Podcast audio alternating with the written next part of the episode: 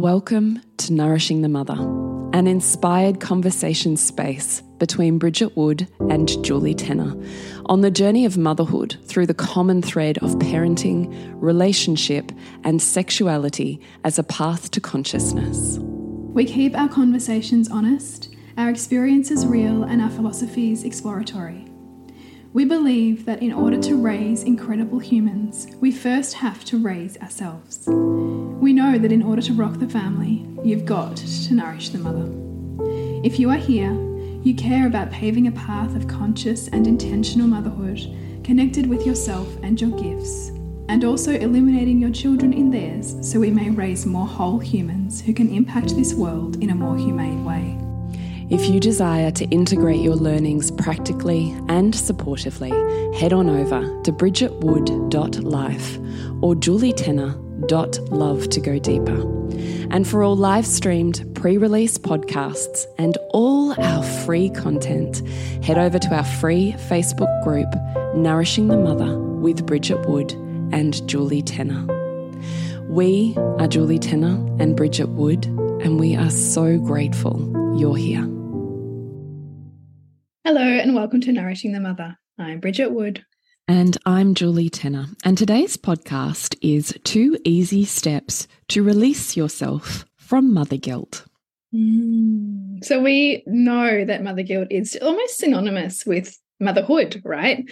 Mm. And so, also it can be incredibly crushing if you don't have um, a toolkit a you know a reframe an opportunity to go mm, why am i carrying this what is this for mm is mm-hmm. there another way so yeah podcast yeah, I love it. So we really hope this is super useful and tangible for you and that you're able to follow along with the process for yourself. So it may be worth you taking notes on your phone or in your journal or popping back to this podcast so that you can literally write out the process and then apply it to your own life to get the results. Mm, yes. So, the first thing that we really want to look at is first recognizing the pattern. So, are there dominant things that you find yourself guilting yourself over? Mm. So, because we typically have a, um, you know, like all humans, we all have our own patterns. And so there'll be typically be behaviors that we do or don't do that give us that feedback of guilt. Like, you know, I yelled or I didn't help out my child when they wanted help or I prioritized what was important to me over what they wanted what is it for you first of all because until we name it it can be this kind of ambiguous cloudy heaviness that we exist within um, mm. and that we can feel run by. So it's really important, first of all, to name it. Isn't it? And how fascinating is it to look at it, see the themes and see the belief that sits underneath it, and just consider how this is actually just a recurrent theme that I've carried forwards from my own childhood. Like it's a recurrent strategy that I've used across my life. So let's take you and I, Bridgie. Mine 100% of the time is I'm not doing enough, mm. which is just my core wound, right? Mm. It's my mm. core mother wound that I have applied across all of life. It's just, and it, and it follows me, right? Like depending on whatever is most important to you and that you are investing yourself and forming part of your identity with and through it just appears there, right? It's just on repeat. Yes. So, you know, I don't know, in school, I'm not doing enough. In work, I'm just not doing enough. In relationship, I'm just not doing enough. And in motherhood, I'm just not doing enough. Right. Mm -hmm. So it's just a residual strategy from a malformed adaptation to an attachment style from my childhood. yes. yes. And I think for so many women, it is an echo of that. Mine is I'm not enough. So mm-hmm. it's like a, you know, it's a self worth thing. And so then what can happen if that's the core wound? It can then be, well, I've got to do more things and be more things to feel that feeling of not enoughness. Right. So mm-hmm. again, it's like this I need something outside of me to fill me with or do so that I'm somehow acceptable. And, you know, also not to do, right? Because if I do all those things that are things that don't make me enough, then I'm going to be more of not enough, right? And of course, in mothering, yeah. in mothering, it's like these illusions of I'm going to be always patient or I'm always going to be able to decipher what my child's needs are and I'm going to be able to effortlessly move between like the needs of each of those child and myself or like my relationship or my work right like it'll be this fantastical um mm.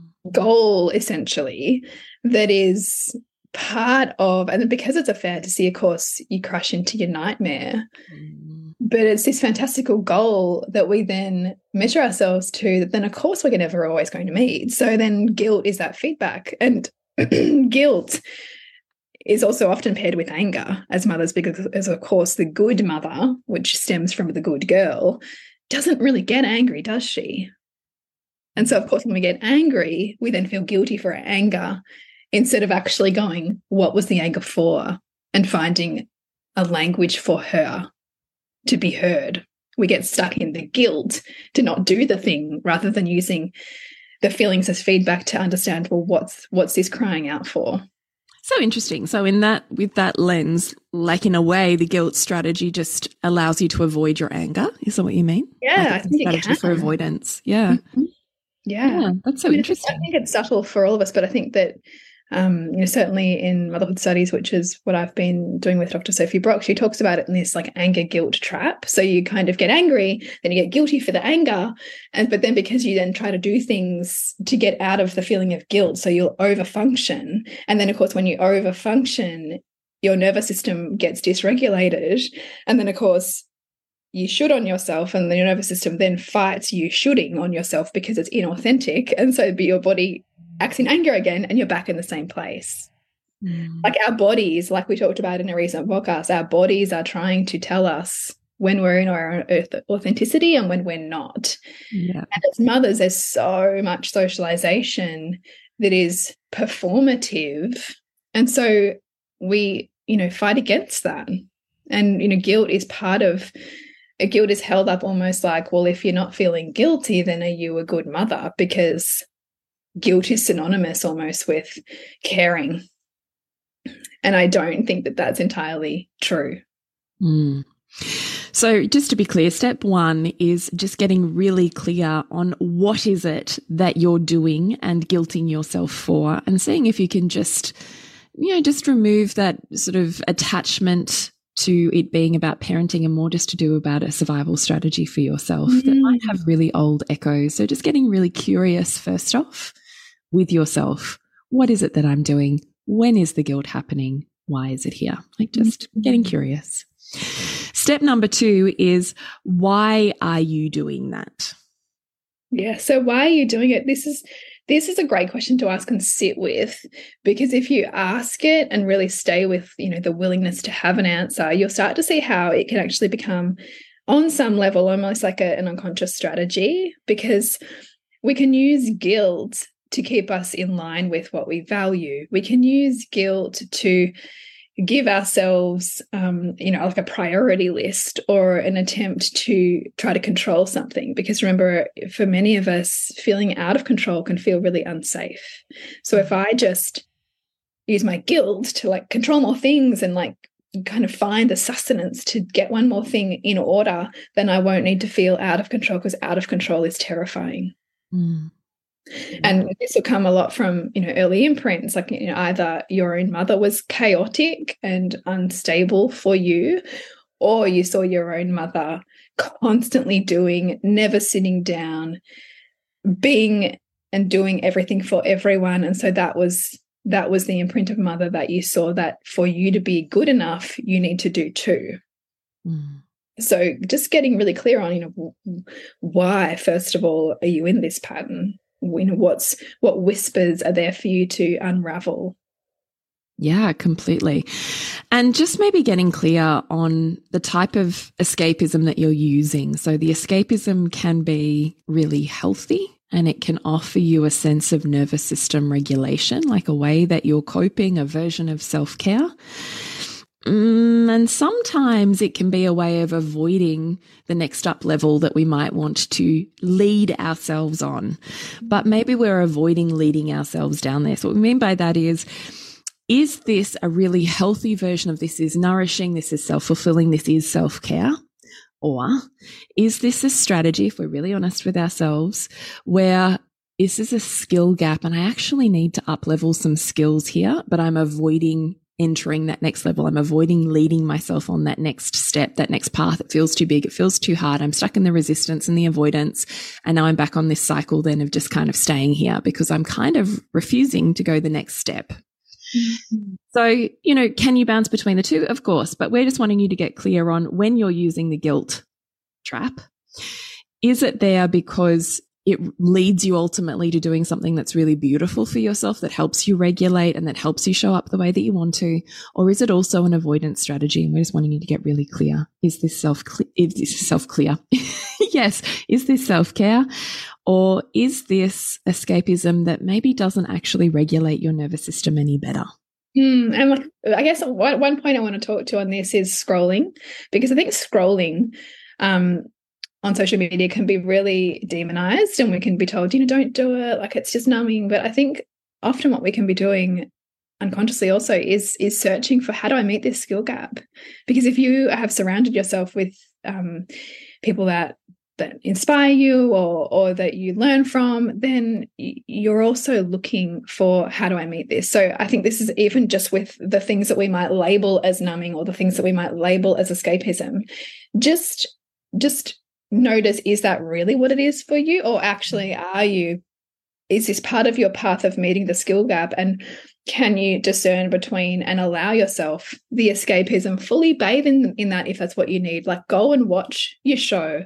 Go and watch beckham or whatever it is like you know we talked about recently that mm-hmm. is filling you up and giving you some you know great kind of juicy vibes that you can then okay reset and what's my skill gap? Like what can you do that supports you to then be able to have the energy to come in and look at the sticky thing rather mm-hmm. than spiral into the you know the escapist patterns? Completely. This podcast is brought to you by what we have going on in the world.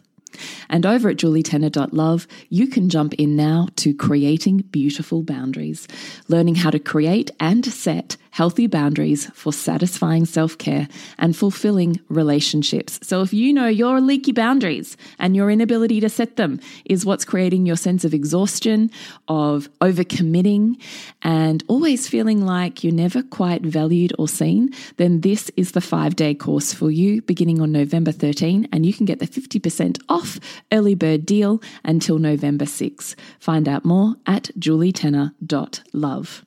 And Bridgie, what have you got going on in the world? Coming up in my world is peace, love, and siblings, fostering family unity. And this is for you if you are yearning for more ease and flow in your family dynamic.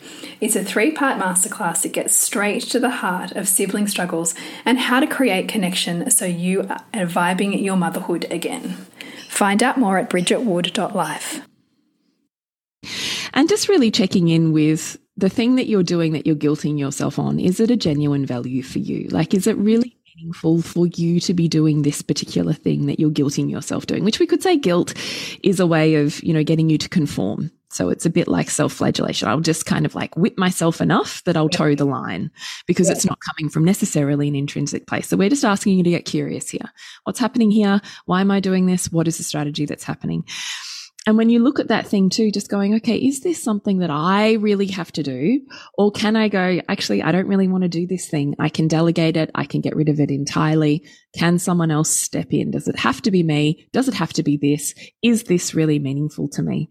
Because it may not be, right? If you're like, I actually really don't want to do this thing and I actually really don't want to upskill in this area because it's not intrinsically inspiring or meaningful to you, then it's time you own and claim this actually isn't where my soul wants me to lead myself.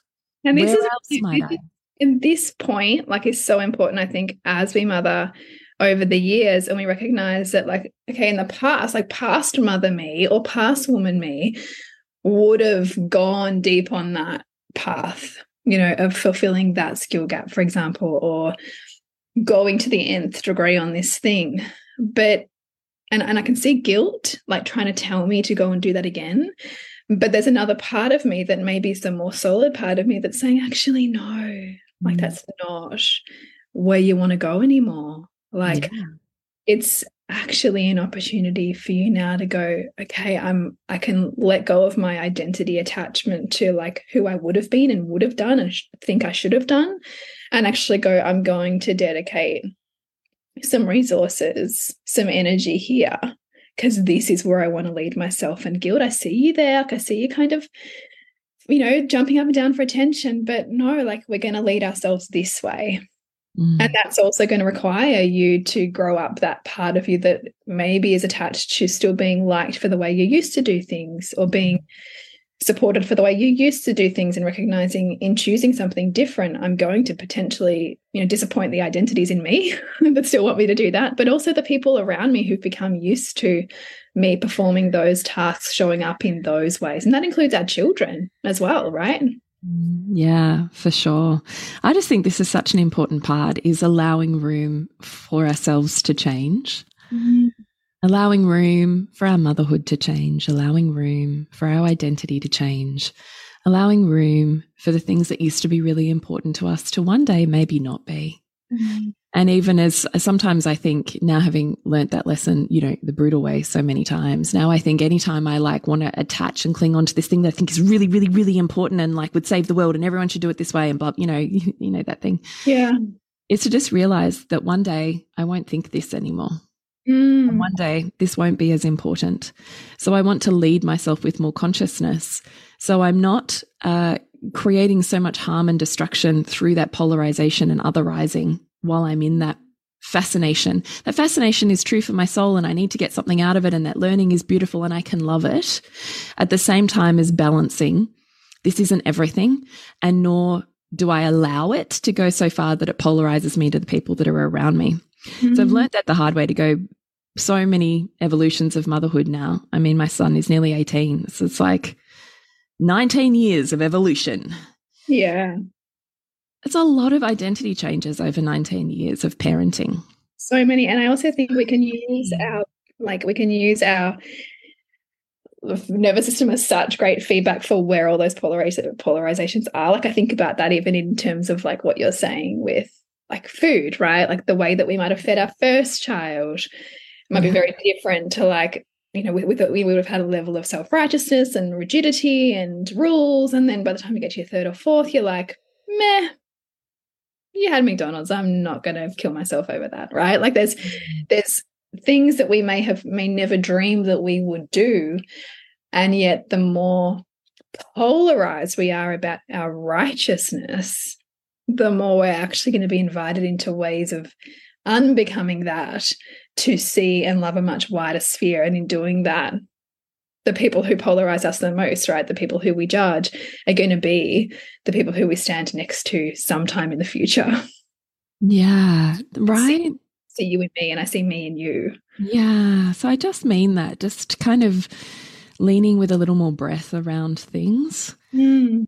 And that includes the shifts in your identities and the ways in which you meet your parenting and therefore allowing space for you to claim different space mm. as opposed to I just claim this territory and that's mine and you know if I don't claim that territory in motherhood and the way that I do things then who am I is just going you know wow actually you know I've had a lot of clients recently I think who have got into the um, trap I'm going to say or the guilt spirals of being in a conscious parenting community and really, really valuing those things. And at the same time, having a nervous system that can't tolerate being more than three days with their kids. Mm.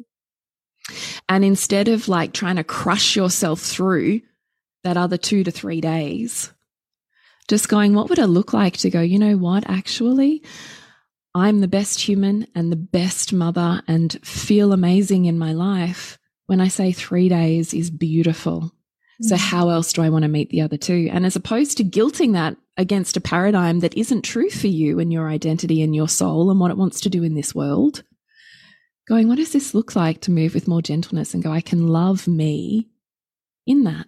I can love me going three days is where my nervous system peaks. So how do I want to have plan A looks like this. And when they're sick or that doesn't happen, plan B looks like this. But I respect that my nervous system tolerance window is three days.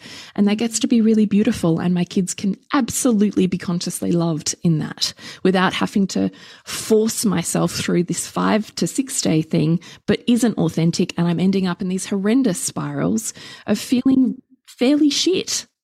Yeah. And I just think I wish more women would more women would claim, I really get to feel high vibe 80% of the time in my life. Mm. So, what needs to change for me to feel amazing in my life 80% of the time? What do I need to claim? What do I need to own? What do I need to say out loud? What are the conversations I need to have with myself to make that okay? And then with others? How do I need to include more partners? Yes. Often that's the problem. Yeah, so, so, and also too that if your identity has been built on like you doing so much because that's where you've you've sourced your worthiness and perhaps you've lived by this you know perfect mother kind of myth that says that you're the best person to look after your children always and that they come first and that you must prioritize them above all else. I mean, we are socialized to believe that. Mm. And so in part of paving your own way and in part of learning to reject a lot of that internalized blueprint there's going to be a a restructure of family life to make that possible and it, it's going to be wobbly you know in, in, in an attempt to create that. Yeah. Um, and in in you stepping back and allowing that vacuum not to be filled by you again because you're guilty but allowing an opportunity for others to fill that vacuum. Yeah. So i mean i just want to be really clear here is there's beautiful, healthy escapism because days are not perfect and they're largely unpredictable with little humans. Mm -hmm. And is this feeling like it's really part of my well-being or is this feeling like i'm just using this as a strategy to avoid avoid more discomfort avoid more feelings avoid more feeling out of control is there a skill gap here am i genuinely motivated to want to upskill this because it's really meaningful and it's definitely something i want to invest my time my money my energy and my mental load into or actually?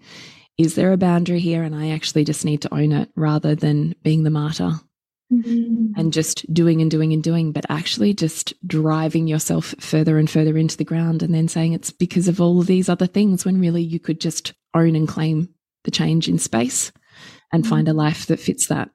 So I really just want you to be really curious with yourself and know that 100% you get to feel high vibe 80% of the time. And if you're not, there's shit that is out of alignment in your life right now.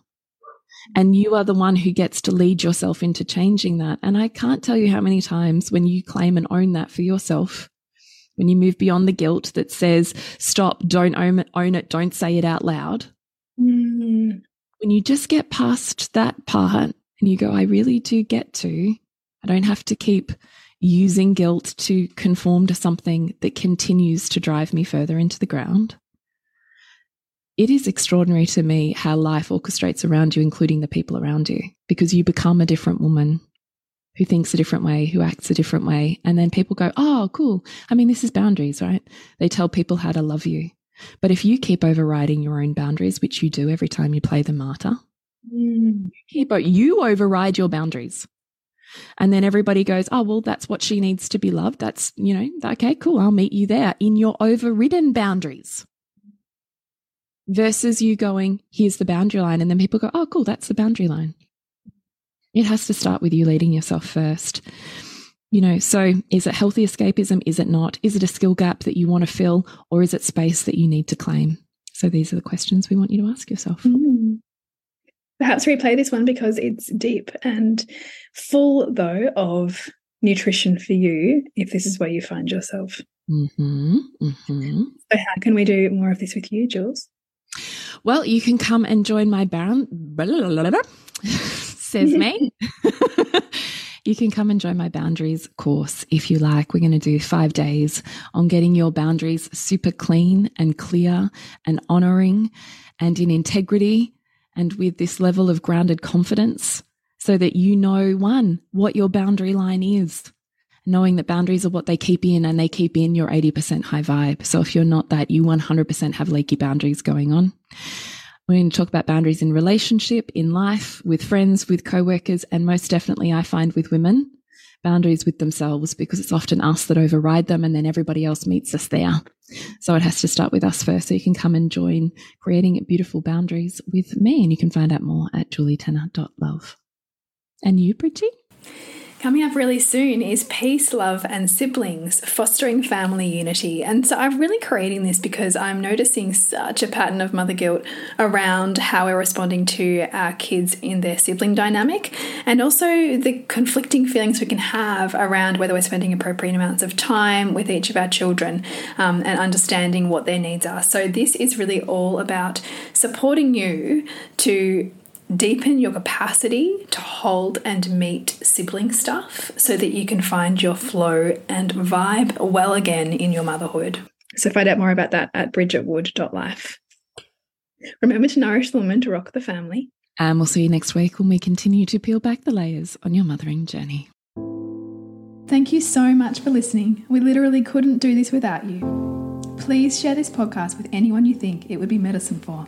If you desire to integrate your learnings practically and supportively into your life, then head on over to bridgetwood.life or julietenner.love to go deeper.